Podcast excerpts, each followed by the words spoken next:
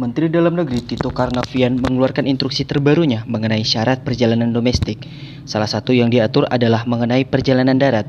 Dalam Emendagri nomor 57 tahun 2021 tentang pembatasan kegiatan masyarakat level 3, level 2, dan level 1 COVID-19 di wilayah Jawa dan Bali, Tito menuliskan syarat perjalanan domestik bagi transportasi jar darat jarak jauh cukup dengan menunjukkan hasil antigen menunjukkan antigen H-1 untuk moda transportasi mobil pribadi, sepeda motor, bis, kereta api, dan kapal laut. Tulisnya mengutip Mendagri nomor 57 tahun 2021 Selasa 2 November 2021.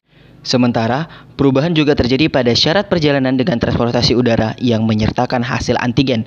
Sebelumnya, perjalanan udara mewajibkan hasil PCR sebagai syarat perjalanan.